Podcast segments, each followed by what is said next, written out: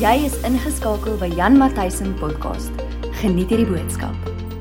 Familie, ons mis julle ongelooflik baie. Dit is vir ons dis vir ons 'n voorreg om hierdie livestream te kan doen en dit is vir ons 'n voorreg om vandag in jou huis te kan wees en glo my, dis lekker koud hier in die kerk. So of jy nou op jou, in jou sitkamer is en of jy dalk nog in die bed is, ek hoop jy is nog in die bed omdat dit so koud is. Ehm um, jy het voorreg vandag om nog lekker warm te wees terwyl ons hierdie opname vir jou doen want dit is lekker koud hier so by die by die kerk. Maar ek hoop dit gaan goed met elke een van julle en julle moet asseblief weet dat ons steeds vir elke een van julle bid en dat ons ongelooflik lief is vir julle en dat ons julle ongelooflik baie mis. Ehm um, glo my wanneer ek vir julle sê dat ons 'n opgewondenheid in ons harte het en dat ons regtig ehm um, 'n groot expectancy het van dit wat Vader gaan doen binne in ons as 'n familie en binne in die dorp, binne in Middelburg. En ehm um, ek hoop dat daai expectancy 'n uh, 'n geloof binne in jou wakker maak wat maak dat daar dalk bietjie by jou hoop is en dalk bietjie by jou exciting excitement is. Ek ek weet vandag dat daar dalk 'n tannie is wat na my kyk en sê, oh, "Hy het sy hare gesny." En ja, ek het, ek het my hare gesny. Dis die voordeel van om 'n vrou te hê wat kan hare sny. En ek moet sê sy het regtig nog 'n goeie job gedoen hierdie keer. Sy word net beter en beter en beter. En gelukkig kan sy oefen. Ek het wou gesê, daar's nie stres nie as jy as jy dit opneek. Weet nie of ek daai woord mag sê nie. Ehm um, as jy as jy 'n fout maak, dan skeer ons maar net alles af. So ek dink dit het dalk pressure op haar geplaas om seker te maak dat sy my hare mooi mooi sny want sy wil nie hê dat ek al my hare afskeer nie. Familie, ons begin vandag met 'n preekreeks en die preekreeks se naam is die sewe wonderwerke in Johannes. En ek wil graag hierdie met ons deel. Ek het ek het so groot bewustheid van dit wat Vader vir ons wil leer deur hierdie gedeeltes. Ek is heeltemal oortuig dat elke een van ons weer 'n 'n glimps moet kry, weer 'n herinnering moet kry van Jesus as die die een wat wonderwerke doen. En Jesus het ongelooflik baie wonderwerke gedoen. Maar in die boek van Johannes vind 'n mens net sewe wonderwerke.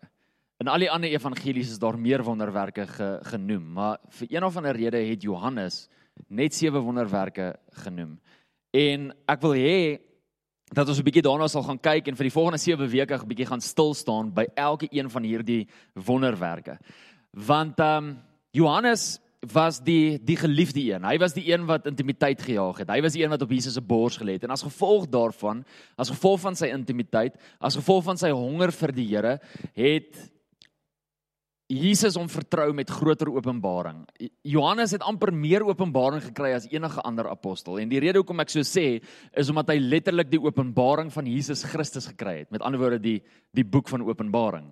Julle weet dat dit daai boek se naam is, die Openbaring van Jesus Christus. Johannes het daai openbaring gekry as gevolg van sy hart vir intimiteit. En ek weet dat die Heilige Gees soos Timoteus vir ons sê dat die Heilige Gees die woord van die Here geïnspireer het. Ek weet dat die Heilige Gees Johannes, die geliefde een, geïnspireer het om hierdie sewe wonderwerke binne in sy evangeliebrief te plaas vir 'n rede. Daar's iets wat hy vir ons wil wys van die karakter van Jesus, van die karakter van ons Vader, ehm um, wat moet deel wees van wie ons is en van hoe ons hom verstaan. En wat baie belangrik is en eintlik baie awesome is, is dat hierdie wonderwerke spreek so baie van wie Jesus simbolies is, ehm um, en wie Jesus fisies is. So ons gaan so 'n bietjie bietjie daarna kyk. Johannes kom self. Hy sê in Johannes 20 vers 30 sê hy Nog baie ander tekens het Jesus vir sy disippels gedoen wat in hierdie boek nie geskrywe is nie. Met ander woorde, Johannes weet van al die wonderwerke, maar daar en daar's baie van hulle, maar hulle is nie in hierdie boek geskryf nie. Wat se boek praat hy van? Hy praat nie van die Bybel nie. In hierdie geval praat hy van sy boek, die brief wat hy skryf. Dan kom hy later en nou praat hy van van meer as net sy brief. In Johannes 21 vers 25 staan daar die volgende: En daar is nog baie ander dinge wat Jesus alles gedoen het. Maar as hulle een vir een beskrywe moes word, sou die wêreld self, dink ek, die geskrewe boeke nie bevat nie. Amen. Is dit nie 'n amazing stelling nie? Met ander woorde Johannes kom en hy sê as 'n mens letterlik alles wat Jesus Christus gedoen het moet beskryf, dan weet hy nie of daar genoeg boeke sal wees om dit op te kan skryf nie. Wat vir ons net wys dat Jesus ongelooflik baie gedoen het terwyl hy op hierdie aarde was, terwyl hy hier gewandel het. En dan is dit nie vir ons dan eintlik meer merkwaardig dat Johannes net kies om sewe te noem nie. Net sewe van hierdie wonderwerke. So ek dink julle julle julle you catch the the drift. Ek dink julle verstaan nou hoekom hoekom ons gaan kyk na hierdie want ehm um, ek dink dis God doen niks per toeval nie en ek dink daar's soveel baie wat ons kan leer binne in hierdie gedeelte. So ek wil hê as jy jou Bybel saam met my het, ek hoop jy het hom by jou. Dan jy is tog by jou huis, so ek is seker jy het 'n Bybel in jou huis. So gaan haal hom as jy hom nie het nie want ek wil hê jy moet saam met my lees in Johannes 2. Ons gaan lees van Johannes 2 af vanaf vers 1 Ehm um, en tot en met omtrent vers 11, dalk vers 12, dit hang af hoe ons hoe ons gaan. So kry jou Bybel en dan lees jy saam met ons. En wat ons dan gaan doen is is ek gaan lees, ek gaan nie die hele ding lees nie. Ek gaan lees en soos wat ek lees, gaan ek dan verduidelikings inbring. En ons gaan nou 'n paar interessante goedjies kyk wat uh, ek graag wil uitlig en wat ek ehm um, jou hopelik kan kan leer vandag. Goed, ons lees dan in Johannes. On the third day there was a wedding in Cana of Galilee, and the mother of Jesus was there. Now, both Jesus and his disciples were invited to the wedding. Nou kom ek stop net gedaar. Dis so amazing en so profeties dat die groot bruidegom genooi is na 'n troue toe. Dis so profeties en so simbolies van dit wat gaan gebeur die oomblik wanneer hy sy bruid kom haal. En dink by jouself hoe profound is dit dat die bruidegom, die groot bruidegom genooi is na hierdie aardse troue toe. En ek wil dalk net die volgende sê: 'n troue vandag se tyd, 'n troue wat Jesus Christus nie nooi nie, is dalk 'n troue wat nie die moeite werd is om na toe gaan nie. Dis so belangrik vir ons om seker te maak dat Jesus deel is van ons huwelike en dat Jesus deel is van ons lewens. En vir my as pastoor wat troues doen, vir my is dit die grootste rede hoekom ek 'n troue doen, is dit gaan alles oor Jesus Christus. As dit nie vir hom was nie, het ons in elk geval nie geweet wat liefde is nie. En as gevolg van die feit dat hy vir ons leer wat liefde is, kan ons respond daarteenoor en in 'n huwelik aangaan. Ons het Jesus nodig in ons huwelike. En ons het nodig dat Jesus sal sal intree en beskerm en ons sal help want sonder Jesus En sonder die Heilige Gees is ek maar 'n man wat baie foute maak en is ek 'n man wat my vrou gaan seermaak. Maar die oomblik wanneer ek saam met Jesus binne in 'n huwelik ingaan, is my vrou baie meer beskermd en vice versa. Maar terwyl ek hierdie eerste twee skrifgedeeltes lees, vra ek myself die volgende vraag af en ek weet nie of jy al ooit hierdie vraag vir jouself gevra het nie, maar ek wonder by myself, waar is Jesus se pa? Het jy ooit daaroor gewonder? Want die skrif hier sê dat Jesus se ma is genooi en Jesus is genooi. En as jy gaan kyk na vers 12, dan sal jy sien dat Jesus se boeties was ook daar. So die hele familie is daar. Waar's waar's Jesus se pa? Nou baie teoloë reken dat ehm um, Maria en Josef was dat of twee goeters gebeur. Die eerste ding wat kon gebeur het is dat hulle dalk geskei het. Die tweede ding wat wat kon gebeur het is dat hulle dalk op 'n plek kon gewees het waar Josef oorlede is. Nou ek ehm um, persoonlik my my persoonlike opinie is dat Josef oorlede was. Ehm um, en ek gaan gou vir julle redes gee oor hoekom ek dan nou dan nou so dink. In die eerste eerste rede weet ek dat in daai tyd was skei nie baie gewild nie. In vandag se tyd is skei baie gewild. Ehm um, jy hoor van enige persoon. Vandag ken almal van ons iemand wat al geskei het. In daai tyd was dit baie skaars dat jy iemand geken het wat geskei het. So skei was nie baie gewild nie en dit was ook teen die wet. Ons sien dat Maria en Josef saam was toe Jesus op die ouderdom van 12 was. As jy gaan lees in Lukas 2 vers 41, daai hele gedeelte waar Jesus in die tempel is en besig is om die fariseërs en en die priesters te leer was hy al 12 jaar oud en ons sien dat Maria en Josef nog steeds saam was en waar hulle Jesus gaan soek het. So Jesus het definitief groot geword saam met sy pa, maar van daarna af lees ons nêrens van Josef nie. Ons lees nêrens van sy van sy pa nie. As Josef en Maria deur Jesus se geboorte kon gaan sonder om te skei, is ek van die opinie dat hulle 'n ongelooflike sterk huwelik gehad het. Hoekom sê ek so? Want in daai tyd alles wat met Maria gebeur het was skandaaldelik. Dit was dit was skandal. Uh waar het jy al ooit gehoor dat 'n vrou swanger word voordat daar 'n troue is, voordat hulle bymekaar is? En onthou hulle was verloof gewees. In daai tyd het dit nie gebeur nie. So baie mense sou hulle bespot het, baie mense sou hulle weggestoot het, hulle familie sou hulle 10 teen 1 verwyder het. Maar steeds was hulle saam gewees. So ek is van die mening dat dit hulle huwelik ongelooflik sterk gemaak het. Ek is nie van mening dat hulle op 'n plek was waar hulle geskei het nie. So my mening is dat Josef oorlede is. Die tweede rede hoekom ek so sê is as Josef geleef het, sou hy ook as familielid by hierdie troue gewees het. Jesus was daar, Maria was daar, Jesus se boeties en en sissies was ook daar, mense nie die sissies nie. Die hele familie was daar, maar Josef was nie daar nie. So hierdie is obviously 'n familietroue en as dit 'n familietroue was, dan sou Josef ook daar gewees het. Die derde rede hoekom ek so sê is is ons sien nie vir Josef by Jesus se kruisiging nie. Nou al was hulle geskei, kan ek jou beloof dat as pa sou hy nog steeds besorgd gewees het oor sy kind en sou hy nog steeds by sy kruis gewees het. Maar Josef was nie by die kruis nie. Hy was nie by die kruisiging nie. En ons sien ook dat Jesus na Johannes kyk en vir Johannes sê daar is nou jou ma en waar hy vir Maria sê en sê daar is nou jou seun. Met ander woorde Jesus vertrou Maria aan aan Johannes toe sodat Johannes na Maria kan kyk. As Josef nog geleef het, dan was dit nie nodig vir Johannes om na haar te kyk nie. Die vierde rede hoekom ek so sê is as Josef geleef het, was dit Josef se verantwoordelikheid gewees om Jesus se graf te koop. Want dit was wat hoe dit gewerk het in die Joodse kultuur. Die familielid koop die graf van die familielid. Die pa koop die graf van die kind as die kind sou oorlede gegaan het. Die kind koop die graf van die pa as die pa sou oorlede gewees het. So dit was Josef se verantwoordelikheid om die graf te koop. Maar ons sien dat 'n ander Josef, Josef van Arimatea, dat hy die graf gekoop het.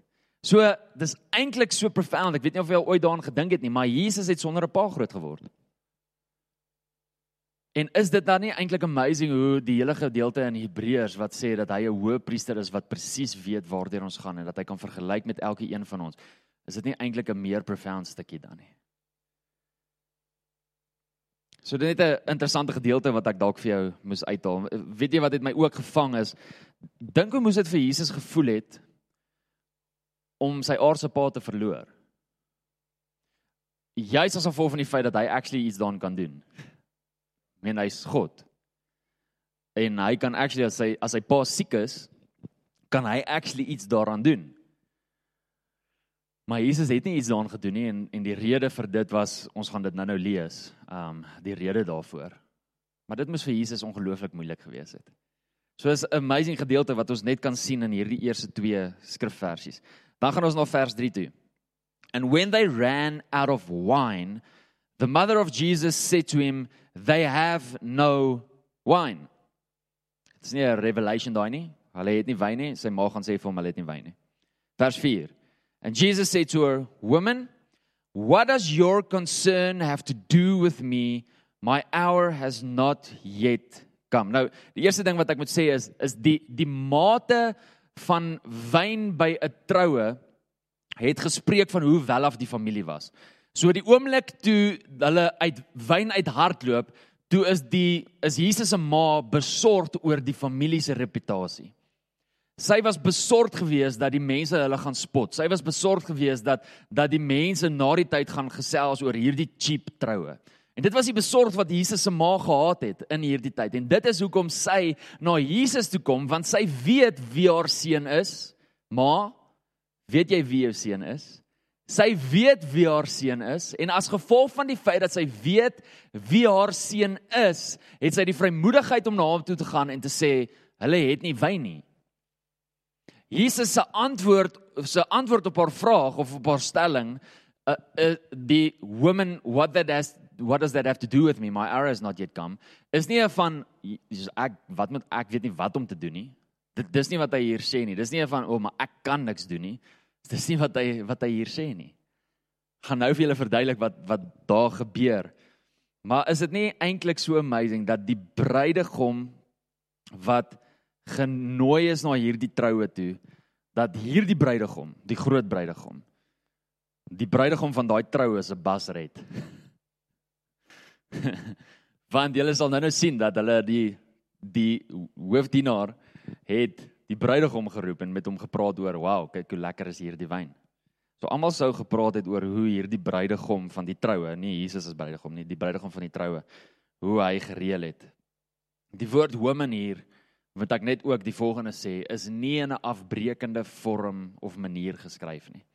So baie keer wanneer ons hierdie lees, veral omdat ons uit 'n Afrikaanse kultuur uit na hierdie goeters kyk, dink ons, "Joh, hy het niks respek gehad vir sy ma nie," maar dit is nie die waarheid nie en dit is nie wat hierdie skrifgedeelte sê nie. Die Griekse woord vir woman daar is die woord gunei en dit dit, dit is word gebruik in 'n titelmanier.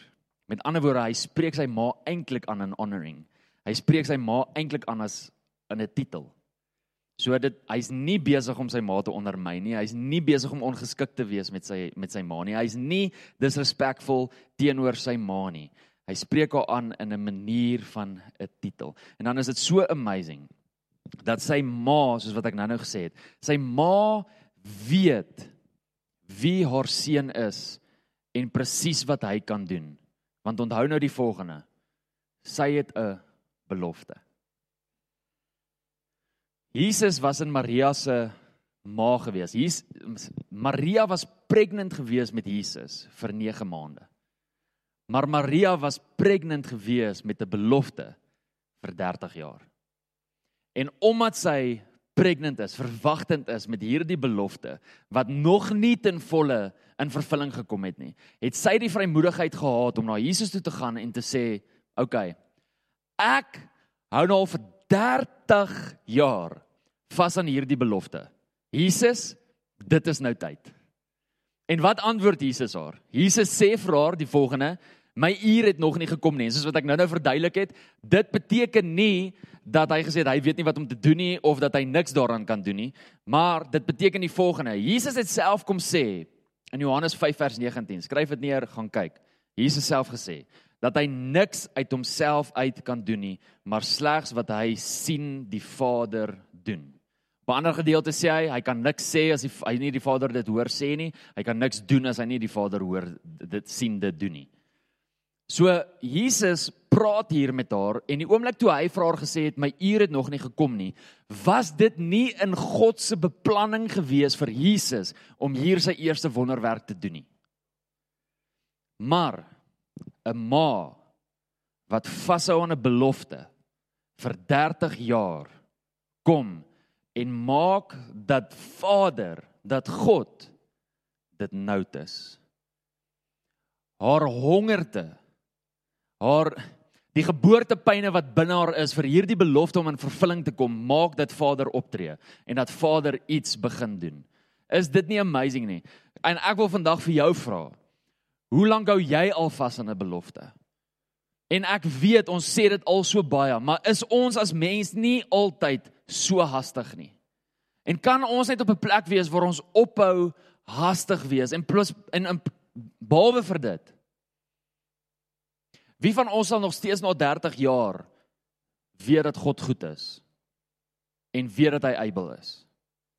Jy sien want want hier's Maria, hier's Jesus se ma.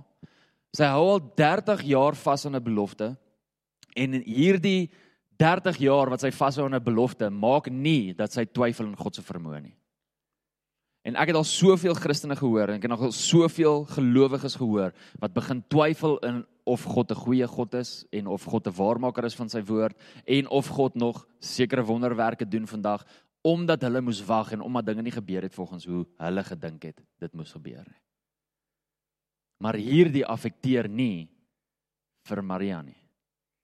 Jy sien ten spyte van die feit dat Maria vashou vir 30 jaar aan hierdie belofte.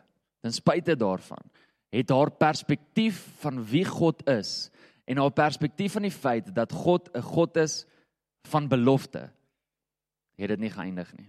Het dit nie verander nie. En ek dink dat elke een van ons kan leer uit Maria se lewe uit. Baie keer twyfel ons in God se karakter want ons wag te lank. Baie keer begin ons wonder of die woord regtig gespreek was. Ons wonder of die woord regtig vir ons was. Ons wonder regtig of ek net al verkeerd gehoor het nie. Of het uh het die profeet wat vir my die woord gegee het nie dalk verkeerd gehoor nie. Is jy al daar? Ek was al daar. Want ons wag nou al so lank. Ek wil vandag vir jou sê dis so belangrik vir ons om as gelowiges nie toe te laat dat ons wagtydperk maak dat ons openbaring van hoe goed God is verander nie. God bly 'n goeie God. Hy's 'n God wat altyd sy woord in vervulling laat kom. Hy sê dat hy nie 'n God is of 'n mens is dat hy se lieg nie. En dit beteken dat ons kan vashou aan wat hy sê en dat ons hom kan vertrou. Soos hierdie ma. En as gevolg van haar hongerte en as gevolg van wie sy is en as gevolg van wat sy gedoen het, het Jesus opgetree en 'n wonderwerk gedoen. En dis weet julle wat is my amazing van hierdie skrifgedeelte? Kom ons lees gou vers 5. Vers 5 sê and his mother said to the servants whatever he says to you do it. Met ander woorde, hier is Jesus se respons. Jesus se respons is my hour has not yet come. Sy ma se respons, wat ook al hy vir julle sê, dit doen julle. Jesus het nie vir gesê, "Yes, okay, ek gaan nou iets doen nie." En as gevolg daarvan het sy gesê, "Okay, hy het nou gesê hy gaan iets doen, so luister nou vir wat hy gesê het nie." Nee, nee, nee. Jesus se ma is so bold en so reg. Die die ervaring van die belofte wat binne in haar is en die kraampyne wat sy het van hierdie belofte is so reg om in vervulling te kom dat sy op daardie stadium nie regtig eintlik kyk na hoe haar seun optree nie, maar weet dat dit wat sy vandag verwag en dit wat God gespreek het in vervulling gaan kom want hy het so gespreek en die tyd is reg. Familie, ek wil vandag vir jou sê, dis so belangrik vir ons om te weet wanneer die tyd reg is. As ons nie weet wanneer die tyd reg is nie, gaan ons ongelooflik baie frustreerd wees want ons gaan die heeltyd dink, okay nee, dis vandag, dis vandag. En hoor my mooi, daar's niks fout met expectancy nie. Maar die oomblik wanneer jou expectancy nie elke dag gemeet word nie, gaan jou teleurstelling, jou belofte en en hoe jy vas aan jou belofte begin smoor. So jy moet weet wanneer die tyd reg is. Soos wat Maria geweet het, die tyd is reg. En deur sy ma wat die volgende kom sê het, hoorie, his mother said to the servants whatever he says to you, do it. Hierdie is so amazing. Want wat sy ma hier kom doen is sy ma kom gee fondasie vir die res van sy bediening. En ek wil vandag vir al die ma's en al die pa's sê, dit wat jy vandag oor jou kinders spreek, En dit wat jy vandag in jou kinders belê, maak dat dit 'n fondasie is vir hulle vir die res van hulle lewens. As jy gaan kyk na die ministry van Jesus, dan sal jy sien dat Jesus gespreek het en dan het daar goed gebeur. As jy vandag kyk na jou eie geestelike lewe, dan sal jy sien dat Jesus spreek en die oomblik wanneer hy gespreek het, dan moet jy wat obey. Whatever he says to you, do it. Is dit nie vandag die fondasie van Christendom nie? Wat ook al God vandag vir jou sê, doen dit wees gehoorsaam, die fondasie van ons kristendom. Om te luister na dit wat hy vir ons sê. Wie het daai fondasie geplaas? Sy ma. Hoekom? Want sy het geweet wie hy is. Ek hoop met my hele hart dat alles wat vandag in hierdie wêreld aangaan nie maak dat jy twyfel in wie hy is nie. Ek hoop met my hele hart dat alles wat vandag in hierdie wêreld aangaan eintlik vir jou 'n baie groter bewys is van die feit dat hy is wie hy is. En hoe baie ons hom nodig het en dat ons nie sonder hom kan leef nie. En nou gaan ek 'n groter gedeelte lees. Hier is hier wat Jesus gedoen het. Now there were six said there six water pots of stone according to the manner of purification of the Jews containing 20 or 30 gallons apiece. And Jesus said to them, Fill the water pots with water. And they filled them up to the brim. And he said to them, Draw some out now and take it to the master of the feast. And they took it. And when the master of the feast had tasted the water that was made wine and did not know where it came from, but the servants who had drawn the water knew, the master of the feast called the bridegroom. sien jy hoekom het ek gesê Jesus het die bruidegom se bas gered? He called the bridegroom and he said to to him, Every man at the beginning sets out the good wine, and when he, the guests have well drunk, then the inferior. You have kept the good wine until now. So ons lees hierdie gedeelte en ons almal het al hierdie openbaring gekry. Jesus het water in wyn verander. Amazing. Maar wat amazing is is die volgende. In Johannes 15 kom Jesus. En hierdie is wat Jesus sê. I am the vine and my father. Hoor wat sê hy? Dis so belangrik. Hy sê in Afrikaans ek is die wynstok. So dit is so belangrik om te weet as gevolg van die feit, as gevolg van die feit dat hy die wynstok is, as gevolg van die feit dat hy die the vine is, het hy die vermoë gehad om wyn na vore te bring. As gevolg van sy karakter, as gevolg van sy posisie, as gevolg van wie hy is. As dit nie as dit nie was wie hy is nie, sou hy teen teen nie hierdie kon doen nie. But he is the the vine. En hy is divine and he is the vine. En as gevolg daarvan het hy as wynstok wyn na vore gebring. Nou ek wil net gou die volgende ook sê want baie baie baie pastore het al gesê nee maar hierdie was nou nie regtig wyn nie, dit was eintlik druiwesap gewees en die rede hoekom hulle daaroor praat so is as gevolg van die feit dat hulle hulle wil nie hê dat mense moet drink nie. OK? Wat ek verstaan want binne in dit is daar losbandigheid. Maar kan ek net vandag vir jou die volgende wys dat die die Griekse woord vir die woord wyn hier is die woord oinos. Dan kom ons en ons lees 'n gedeelte in Efesiërs 5 vers 18 en daar staan do not get drunk with wine but be filled with the spirit. Het jy geweet dat die woord wyn in Efesiërs 5 vers 18 ook die Griekse woord oinos is? Nou hier's my vraag. Hoe op dese aarde word 'n mens dronk van druiwesap. Jy kan nie. So ek wil net vir jou vandag sê, Jesus het water nie in druiwesap verander nie. Jesus het water in wyn verander. Moenie omdat jou teologie jou offend dit verander nie. Want baie keer lees ons 'n ding en dit offend my mind en dit pas nie by dit wat ek die mense leer nie en dan verander ek dit. En ek wil nie vandag vir enigiemand die reg gee want ek hoor nou al hoe sê 'n paar manne, ja nee, ons kan hom kap, ons kan hom nou maar vat. Jy sien, jy sien wat dit Jesus, ons kan hom nou maar vat, nee? Om net so te dink beteken dat jy eintlik onvolwasse is. Want 'n volwasse gelowige redeneer nie so nie. Jy weet dit is so belangrik vir ons om te weet dat dit wat Jesus hier gedoen het, ons recognize alles wat Jesus hier gedoen het. En wat het Jesus kom doen? Hy het water in wyn verander, nie in druiwesap nie, in wyn verander. Hoekom het hy dit in wyn verander? Ek weet nie, eendag kan jy hom vra. Maar hy het dit in wyn verander. Nie in druiwesap nie. En hierdie gee ons nie die reg om losbandig te gaan word en en gee ons ook nie die reg om 'n skrifvers uit konteks uit te ruk en te sê okay, ons kan nou gaan drink nie.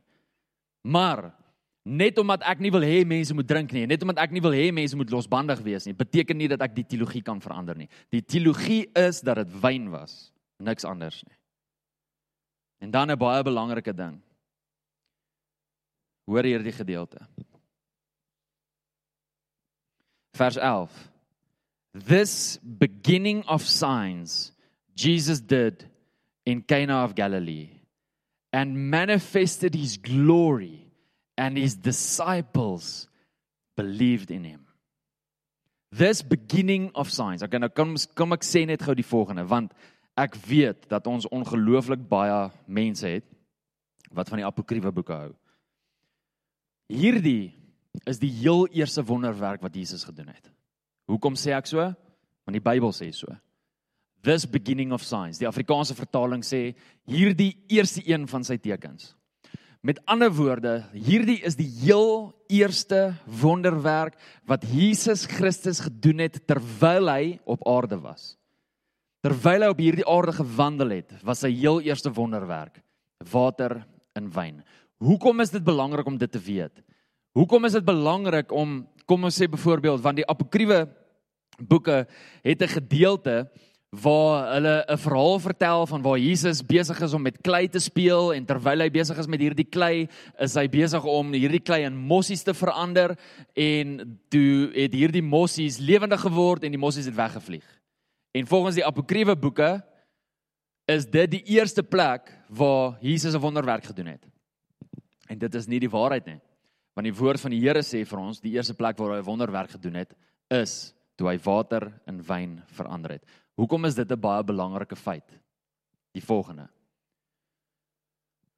Alles wat Jesus gedoen het op hierdie aarde, elke wonderwerk wat Jesus gedoen het, elke teken, elke genesing, elke gedeelte waar hy in die supernatural beweeg het, het hy gedoen as gevolg van die feit dat hy geseël was, geanoint was met die Heilige Gees.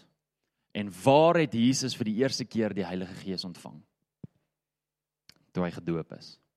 En die woord van die Here sê vir ons dat die oomblik toe hy by die doopwaters uitkom, het die wolke oopgegaan, die hemel het oopgegaan en die Heilige Gees het soos 'n duif, dit was nie 'n duif nie, soos 'n duif op hom neergedaal en hy was geanoint, hy was gesalf met die Heilige Gees. In Johannes, ekskuus nie Johannes nie, Handelinge 8 Handelinge 10 vers 38 staan daar How God anointed, hoor jy mooi, how God anointed Jesus of Nazareth with the Holy Spirit and with power, who went about doing good and healing all who were oppressed by the devil, for God was with him.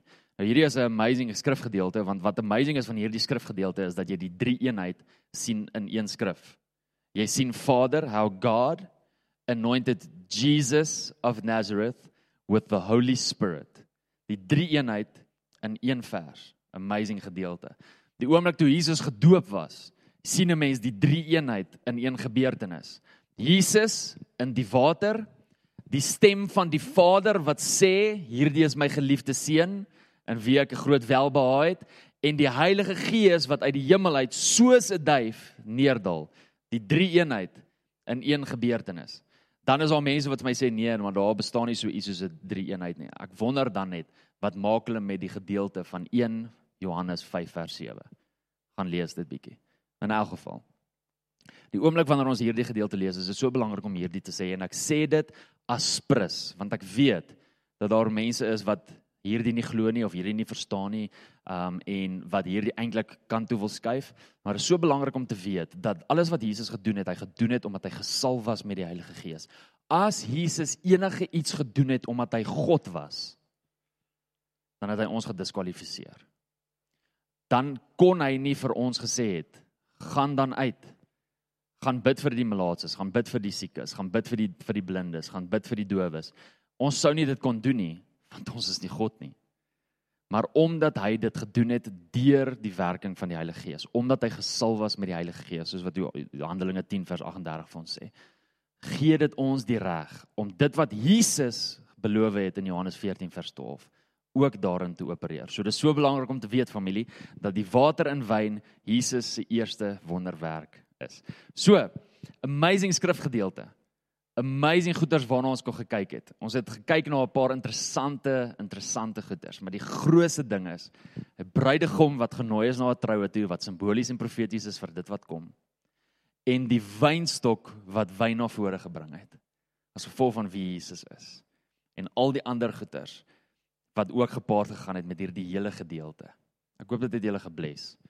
Ons gaan hierna is daar nog 6 wonderwerke oor. En by elke wonderwerk sien ons ietsie anders van wie Jesus is. En sien ons bietjie iets anders van hoe hy optree. En ek wil julle uitnooi. Moenie dit mis nie. Wees deel daarvan. Kom ek bid vir ons. Vader, dankie dat u woord waar is.